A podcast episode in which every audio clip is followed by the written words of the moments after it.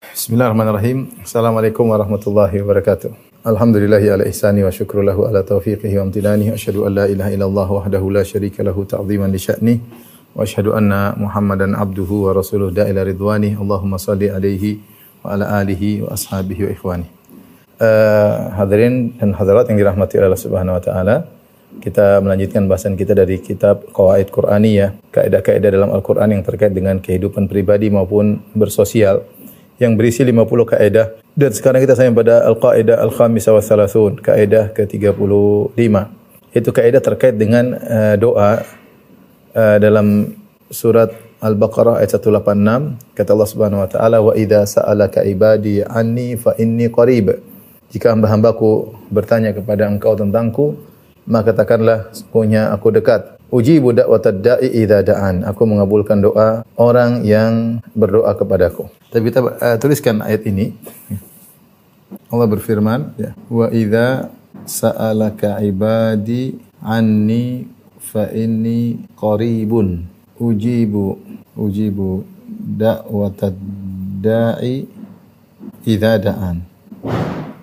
Ya, artinya Uh, jika hambaku bertanya kepada engkau dan jika hamba-hambaku bertanya kepada engkau jika jika bertanya uh, jika hamba-hambaku bertanya kepadamu tentang aku maka sungguhnya aku ini sangat dekat. Maka sesungguhnya aku dekat. Uji budak watadda idza da'an. Aku mengabulkan doa orang yang berdoa kepadaku. Aku mengabulkan doa orang yang berdoa kepada uh, Ikhwan akhwat Subhanahu wa taala, ini ayat uh, terkait dengan anjuran untuk berdoa kepada Allah Subhanahu wa taala dan bahwasanya Allah Maha dekat dalam mengabulkan doa. Perhatikan di sini uh, Allah berfirman wa idza sa'alaka ibadi. Ya. Jika hambamu hambaku bertanya kepadamu, bertanya kepadamu ya. Dan ayat seperti ini dalam Al-Qur'an ada disebutkan oleh penulis ini ada eh, 14 ayat ya. Ada 14 ayat, 14 ayat yang eh, terkait dengan mereka bertanya kepadamu. Mereka bertanya kepadamu kepada Muhammad sallallahu alaihi wasallam ya. Bertanya kepada Nabi Muhammad sallallahu alaihi wasallam dan selalu jawabannya, perhatikan, selalu jawabannya dibuka dengan kul.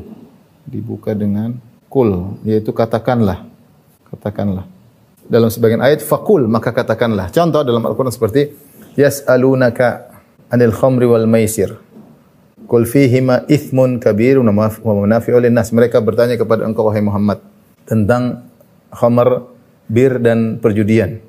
Qul, disuruh jawaban qul, katakanlah fihima ithmun kabir. Pada keduanya, pada khamar dan uh, perjudian ada dosa yang besar wa manafi'uha wa manafi' wa manafi'u linnas dan ada manfaat wa ithmuhuma akbar min nafi'ihima tapi dosanya lebih besar daripada manfaatnya. Contoh lagi yas'alunaka 'anil mahid. Mereka bertanya kepada engkau Muhammad tentang haid. Kul huwa adan fa'tazilun nisa'a fil mahid. Katakanlah haid itu adalah kotoran, maka tinggalkanlah para wanita, jangan digauli ketika sedang haid ya. Uh, yas'alunaka madza yunfiqun. Mereka bertanya kepada engkau apa yang harus mereka infakkan. Kul ma anfaqtu min khairin falil, falil walidaini wal aqrabin uh, katakanlah apa yang kalian infakkan maka berikanlah kepada kedua orang tua dan kepada karib kerabat. Sini selalu ada kul katakanlah. Selalu jawaban jika mereka bertanya kepadamu katakanlah. Jika mereka bertanya kepadamu katakanlah. Ya. Yas'alunaka 'anis sa'ah.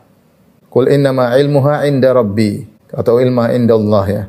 Mereka bertanya kepada engkau tentang hari kiamat. Katakanlah, sungguhnya ilmu tentang hari kiamat di sisi Allah Subhanahu wa taala. Uh, dan seperti itu dalam Al-Qur'an banyak. Dan ada satu pakai fakul seperti yas'alunaka 'anil jibal fakul yansifuha rabbi nasfa. Mereka bertanya kepada engkau tentang gunung-gunung, bagaimana keberadaan gunung-gunung pada hari kiamat kelak, fakul yansifuha yansifuha rabbi nasfa. Katakanlah bahwasanya Rabbmu akan menghancurkannya dengan sehancur-hancurnya. Jadi semua yang ada dalam ayat ada 14 ayat dikatakan mereka bertanya kepada mereka bertanya kepada maka katakanlah maka katakanlah maka katakanlah. Kecuali ayat ini kecuali ayat tentang doa yang sedang kita bahas ini. Itu dalam Quran surat Al-Baqarah ayat 186. Coba kita perhatikan sini lihat. Wa idza sa'alaka ibadi anni jika hambaku bertanya kepadamu tentang aku tidak ada fakul. Perhatikan sini tidak ada kul. Di sini enggak ada kul. Ya enggak ada Langsung di sini lihat nggak ada. Perhatikan. Nggak ada di sini kul. Beda dengan ayat yang lain selalu ada kul. Katakanlah, katakanlah. Tapi langsung fa inni qarib maka sungguhnya aku dekat. Kedekatannya bagaimana? Ujibu da'watad da'i idza da'an. Aku mengabulkan doa. Uh, aku mengabulkan doa da'watad da'i idza da'an. Aku mengabulkan doa orang yang berdoa jika dia berdoa kepadaku. Perhatikan kenapa dalam ayat doa tidak ada kul langsung tidak tidak ada tidak tidak ada Allah mengatakan katakanlah wahai Muhammad, tapi langsung aku jawab langsung. Langsung Allah menjawab fa inni qarib maka aku dekat. Saya bacakan perkataan Ar-Razi. Ar-Razi adalah salah satu ulama dari Asy'ariyah, namun saya sengaja nukil karena dalam ini banyak orang Asy'ariyah menyelisihi beliau. Orang Asy'ariyah sering kalau berdoa kemudian minta uh, melalui perantara. Kalau tidak melalui perantara mereka merasa tidak akan dikabulkan ya. Saya bacakan Ar-Razi dalam Tafsir Al-Kabir atau dalam Mafatihul Ghaib. Beliau berkata, "Wa fi hadhil ayah," yaitu ayat yang sedang kita bahas dalam surat Al-Baqarah 186, qala wa idza sa'alaka ibadi anni fa inni qarib, yaitu Allah berfirman, jika hamba-hambaku bertanya kepada engkau wahai Muhammad tentang aku fa inni qarib, maka aku adalah dekat. Walam yakul faqul. Allah tidak mengatakan katakanlah. Tidak ada kata-kata enggak ada. Beda dengan pertanyaan-pertanyaan yang lain dalam Al-Quran. Selalu ada katakanlah, katakanlah, katakanlah. Katakanlah wahai Muhammad kepada mereka. Jawablah wahai Muhammad kepada mereka. Tapi dalam ayat ini Allah langsung jawab sendiri. Allah tidak bilang wahai Muhammad katakanlah atau jawablah. Tapi langsung Allah jawab sendiri. Walam yakul fakul. Allah tidak mengatakan katakanlah wahai Muhammad. Jawablah Muhammad. Tidak. Tapi Allah mengatakan inni qarib. Sungguhnya aku dekat. Apa hikmahnya? Kata Ar-Razi. Fatadulu ala ta'zimi halid doa.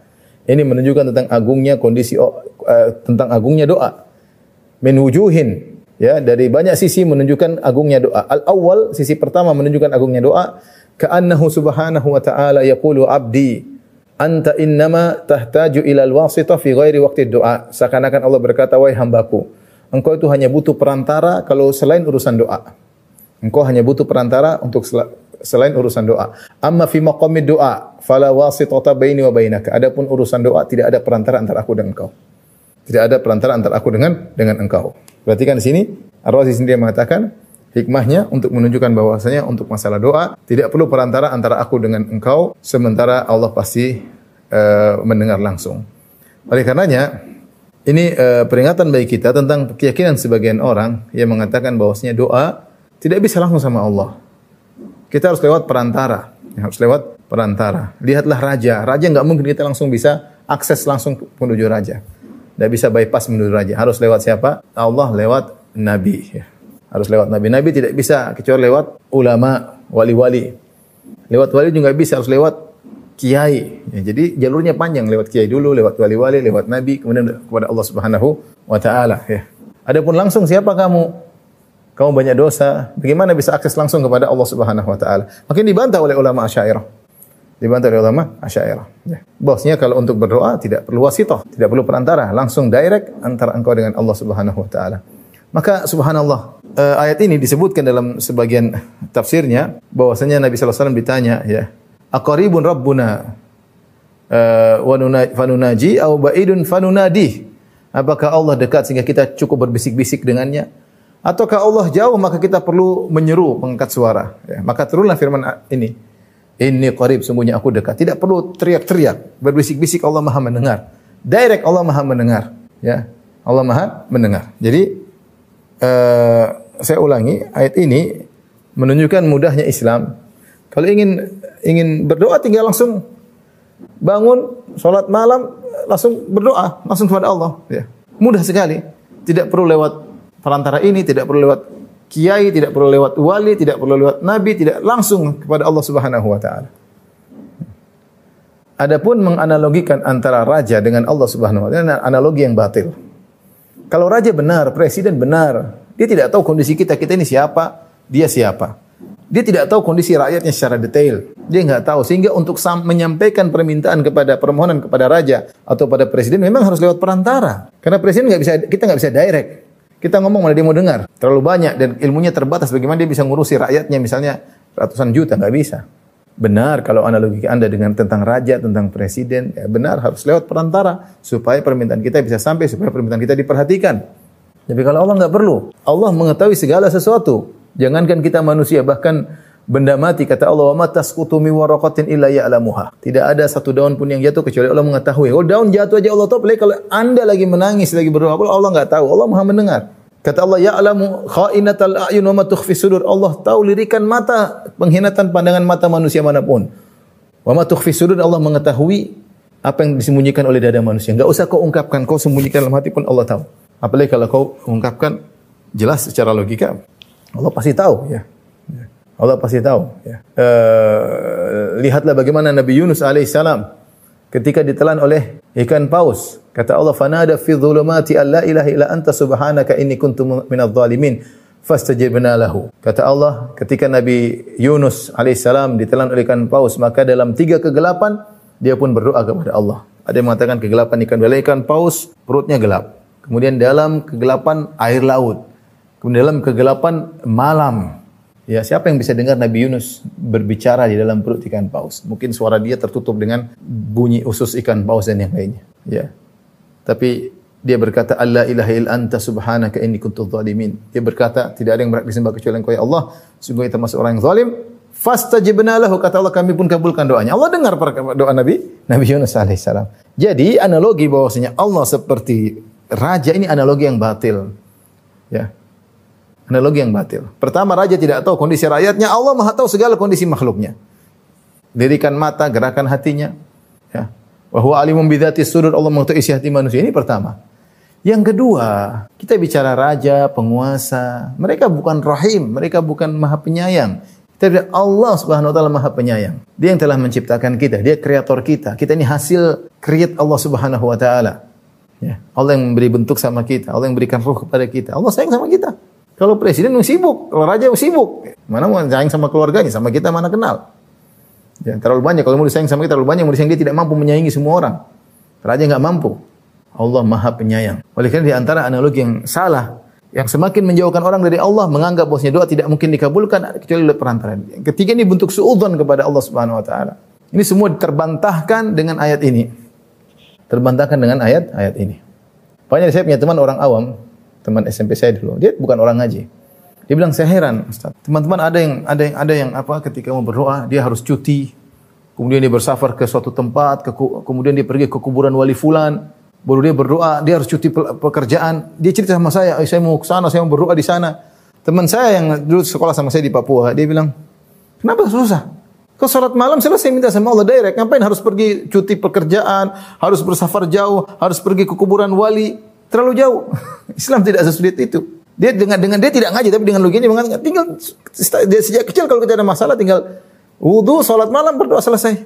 Kenapa repot-repot pergi kuburan sana, pergi kuburan sana ya. Karena sebagian orang kasih syubhat tadi kepada masyarakat umum bahwasanya Allah itu nggak akan perhatikan sama kamu, nggak akan perhatian sama kamu. Kamu tuh siapa? Kamu banyak dosa. Kalau mau dikabulkan harus lewat hmm, tadi, lewat perantara-perantara yang kadang berlapis-lapis. Ya, sama kiai dulu dari kiai ke wali, wali ke nabi, nabi baru ke Rasulullah kepada Allah Subhanahu wa taala. Ini semua adalah ajaran yang tidak tepat dan bertentangan dengan uh, ayat Allah Subhanahu wa taala ya. Allah berfirman, "Wa idza sa'alaka ibadi anni," jika aku bertanya kepada engkau. Perhatikan di sini. Uh, jadi pertama Allah mengatakan Allah tidak mengatakan kul, langsung direct. Maka sungguhnya aku ini dekat. Di sini di antara yang menunjukkan rahmat Allah Subhanahu wa taala pertama yang menunjukkan rahmat Allah kasih sayang Allah terhadap orang yang berdoa. Yang pertama, Allah tanpa Allah jawab langsung yang sudah kita jelaskan tadi. Tanpa mengatakan katakanlah tanpa kul tidak sebagaimana ayat-ayat yang lain. Yang kedua, Allah mengatakan ibadi. Allah menggunakan lafal ibadi. Wa idza sa'alaka ibadi. Jika hamba-hambaku yang artinya hamba-hambaku. Adapun ayat yang lain Allah mengatakan yas'alunaka, mereka bertanya, mereka bertanya kepada engkau. Yas'alunaka al-mahid, yas'alunaka anil khamri wal maisir, yas'alunaka madza yunfiqun, yas'alunaka anil yatama, yas'alunaka anis sa'a, yas'alunaka anil jibal. Mereka bertanya kepada mereka bertanya kepada mereka selalu menggunakan mereka mereka mereka. Ketika masalah doa, Allah mengatakan jika hamba-hambaku. Dan Allah menamakan orang yang berdoa dengan hamba-hambaku. Jadi ini menunjukkan kasih sayang Allah Subhanahu wa taala. Hamba-hamba. Allah tidak mengatakan mereka. Ini menunjukkan kasih sayang, rahmat Allah.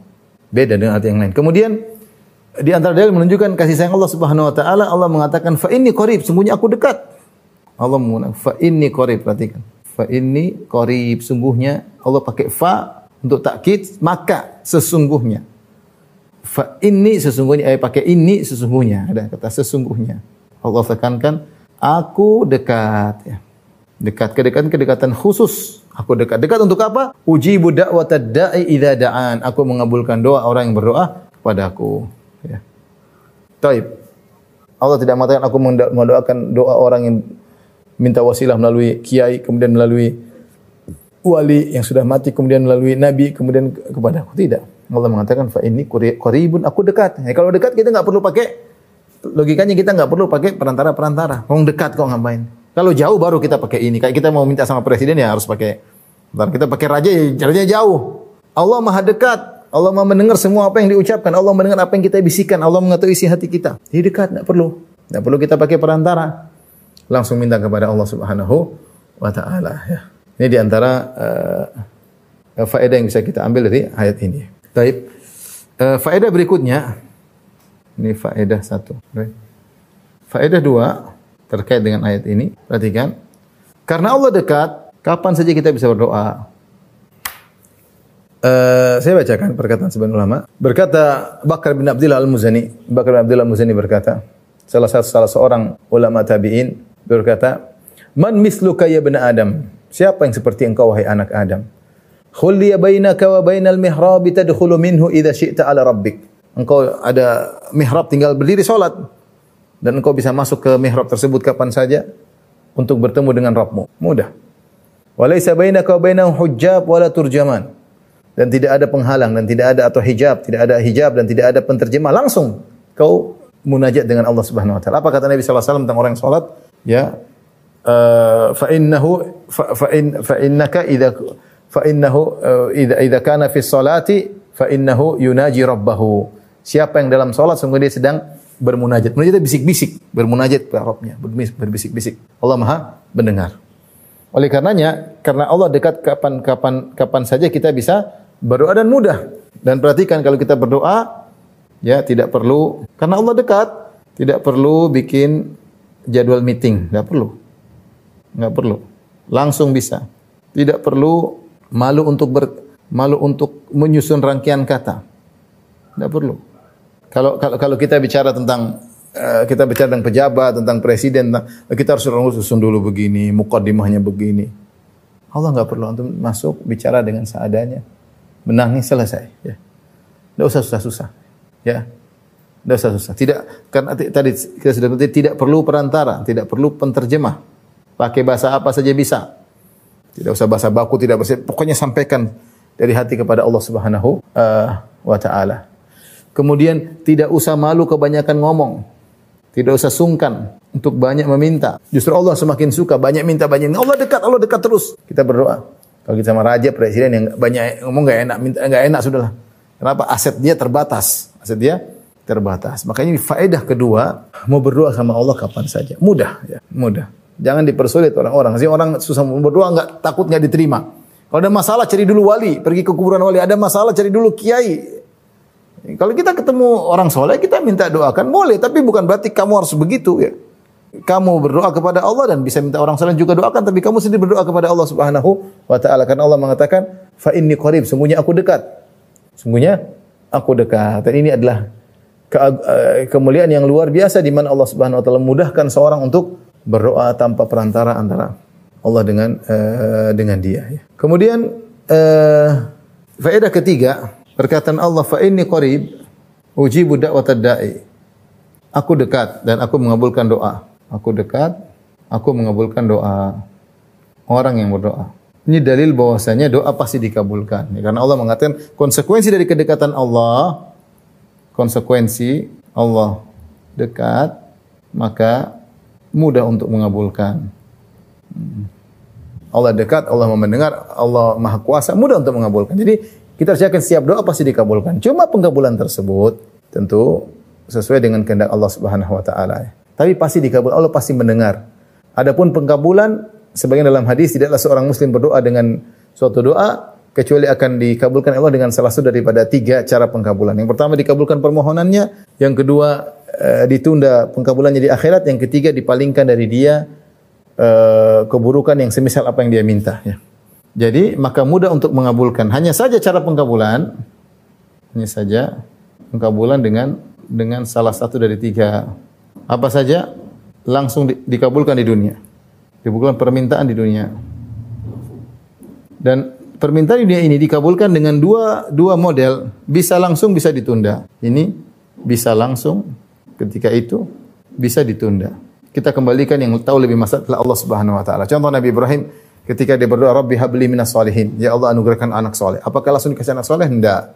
Ibrahim berdoa itu ketika di, diusir dari Babil, mungkin 20 tahun kemudian baru dia punya anak. Tapi dia pernah berdoa.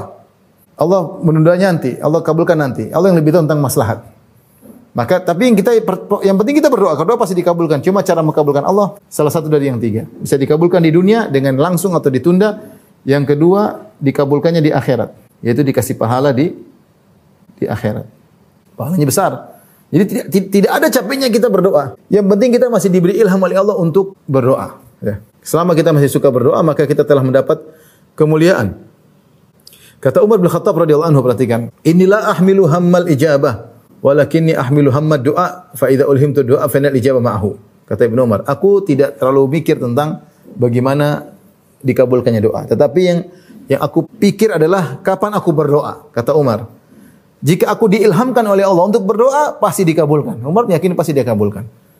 Hanya saja pengkabulan tadi kan Allah telah berjanji uji budak da'idza dan aku mengabulkan doa orang berdoa kepada aku. Hanya saja pengkabulan tersebut terserah Allah Subhanahu wa taala. Mungkin dikabulkan di dunia atau dikabulkan di akhirat dengan pahala yang lebih besar tentunya dengan ganjaran yang lebih besar dengan yang lebih dahsyat atau yang ketiga yaitu dipalingkan dari keburukan yang semisal. Dengan demikian kita tahu bahwasanya konsekuensi Allah mengatakan sungguhnya aku dekat, maka doa pasti dikabulkan. Hanya saja pengabulannya salah satu daripada tiga yang kita uh, sebutkan uh, di atas ya. Kemudian di antara faedah ayat ini, ini sudah faedah keempat. Ayat ini, ayat ini sebelumnya sebelumnya tentang ayat puasa, ayat-ayat puasa dan sesudahnya tentang uh, ayat puasa terkait di malam hari, boleh berbuka di malam hari.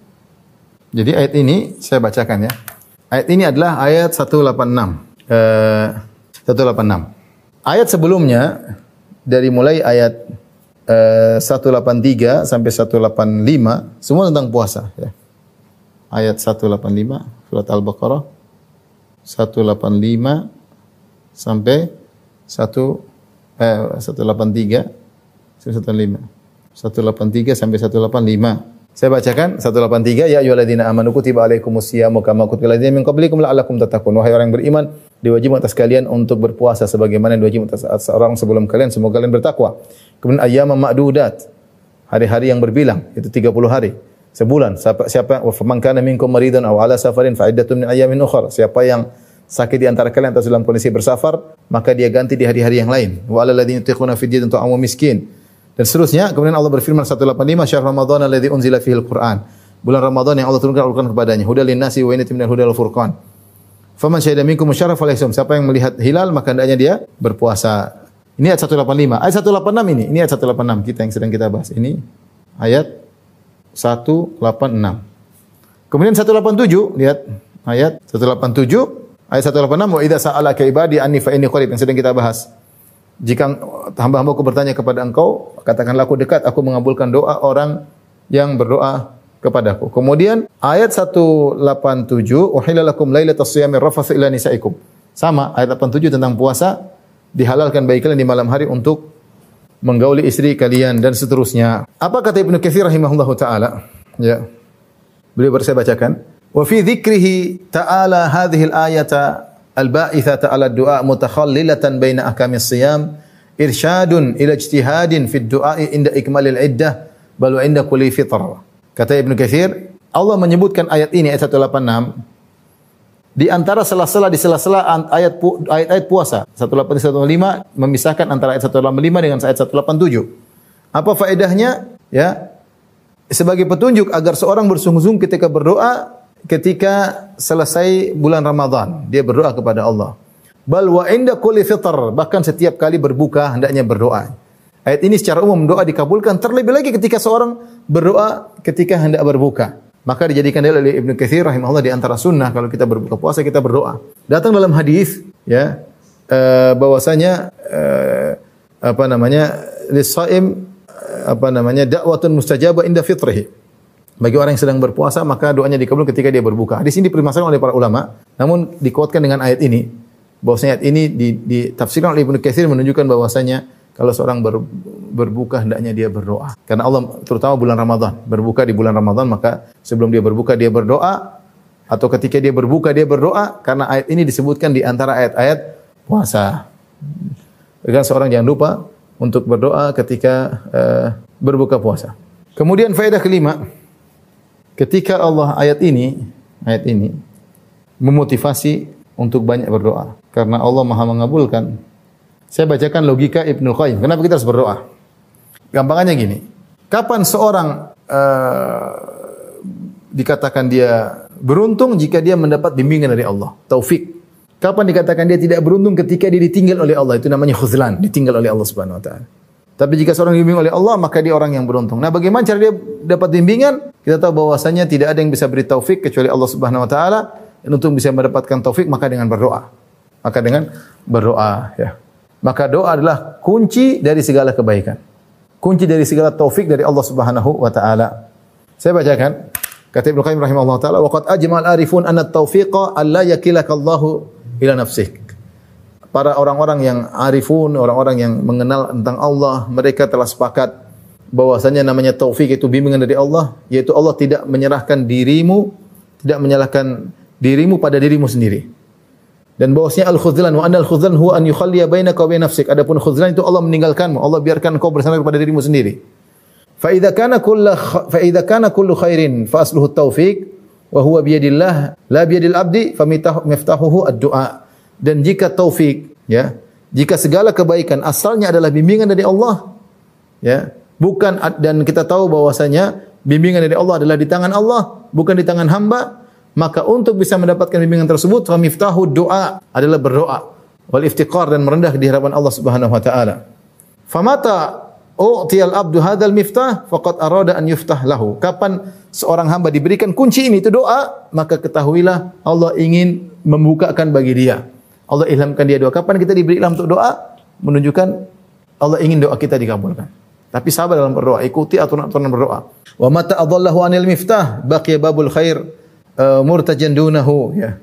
ya. Maka siapa yang hilang dari kunci ini maka uh, pintu pintu kebaikan tertutup baginya. Jadi uh, ayat ini menunjukkan kita sering-sering berdoa. Karena Allah mengatakan dan doa adalah miftah kulli khair. Doa adalah kunci segala kebaikan. Doa adalah kunci segala kebaikan. Logikanya apa? Logikanya tadi Ibnu Qayyim mengatakan kebaikan. Apa itu kebaikan? Kebaikan dengan dengan memperoleh taufik dari Allah. Dan taufik diminta dari Allah. Taufik diminta dari Allah. Nah, kuncinya dengan berdoa, yaitu dengan doa. Berdoa. Jadi kebaikan, apa itu kebaikan? Jika kita mendapat taufik bimbingan dari Allah dan bagaimana taufik? Taufik di tangan Allah, maka kita mintanya dengan berdoa. Dari sini kita tahu bahwasanya doa itu adalah kunci segala kebaikan. Jadi doa, taufik, kebaikan. Maka doa adalah kunci dari segala kebaikan. Itu maksud dari apa yang dijelaskan oleh Imam Ibnu Qayyim rahimahullahu taala. Dari sini ikhwan dan akhwat yang rahmatillah subhanahu wa taala dalam segala kondisi Jangan lupa kita berdoa kepada Allah Subhanahu wa taala karena dialah Allah Subhanahu wa taala yang Maha mendengar doa kita dan Maha mengabulkan doa kita. Uh, maka jangan ragu-ragu untuk mengangkat kedua tangan, berdoa minta kepada Allah Subhanahu wa taala dengan memenuhi uh, adab-adab dalam berdoa. Di antaranya ketika berdoa benar-benar serius ya dan fokus dengan apa yang kita minta. Kata Nabi sallallahu alaihi wasallam uh, apa namanya? hendaknya kalian uh, berhusnudzon ya Udu Allah wa antum muqinuna bil ijabah. Berdoalah dalam kondisi kalian yakin akan dikabulkan oleh Allah Subhanahu wa taala. Wa'lamu ketahuilah anna Allah lam yast anna Allah la yastajibu du'aan min qalbin ghafilin lahin. Ketahuilah Allah tidak mengabulkan doa orang hatinya lalai. Demikian eh, ikhwan dan akhwat yang rahmati Allah Subhanahu wa taala, semoga Allah memudahkan kita, mengilhamkan kita untuk selalu berdoa kepadanya.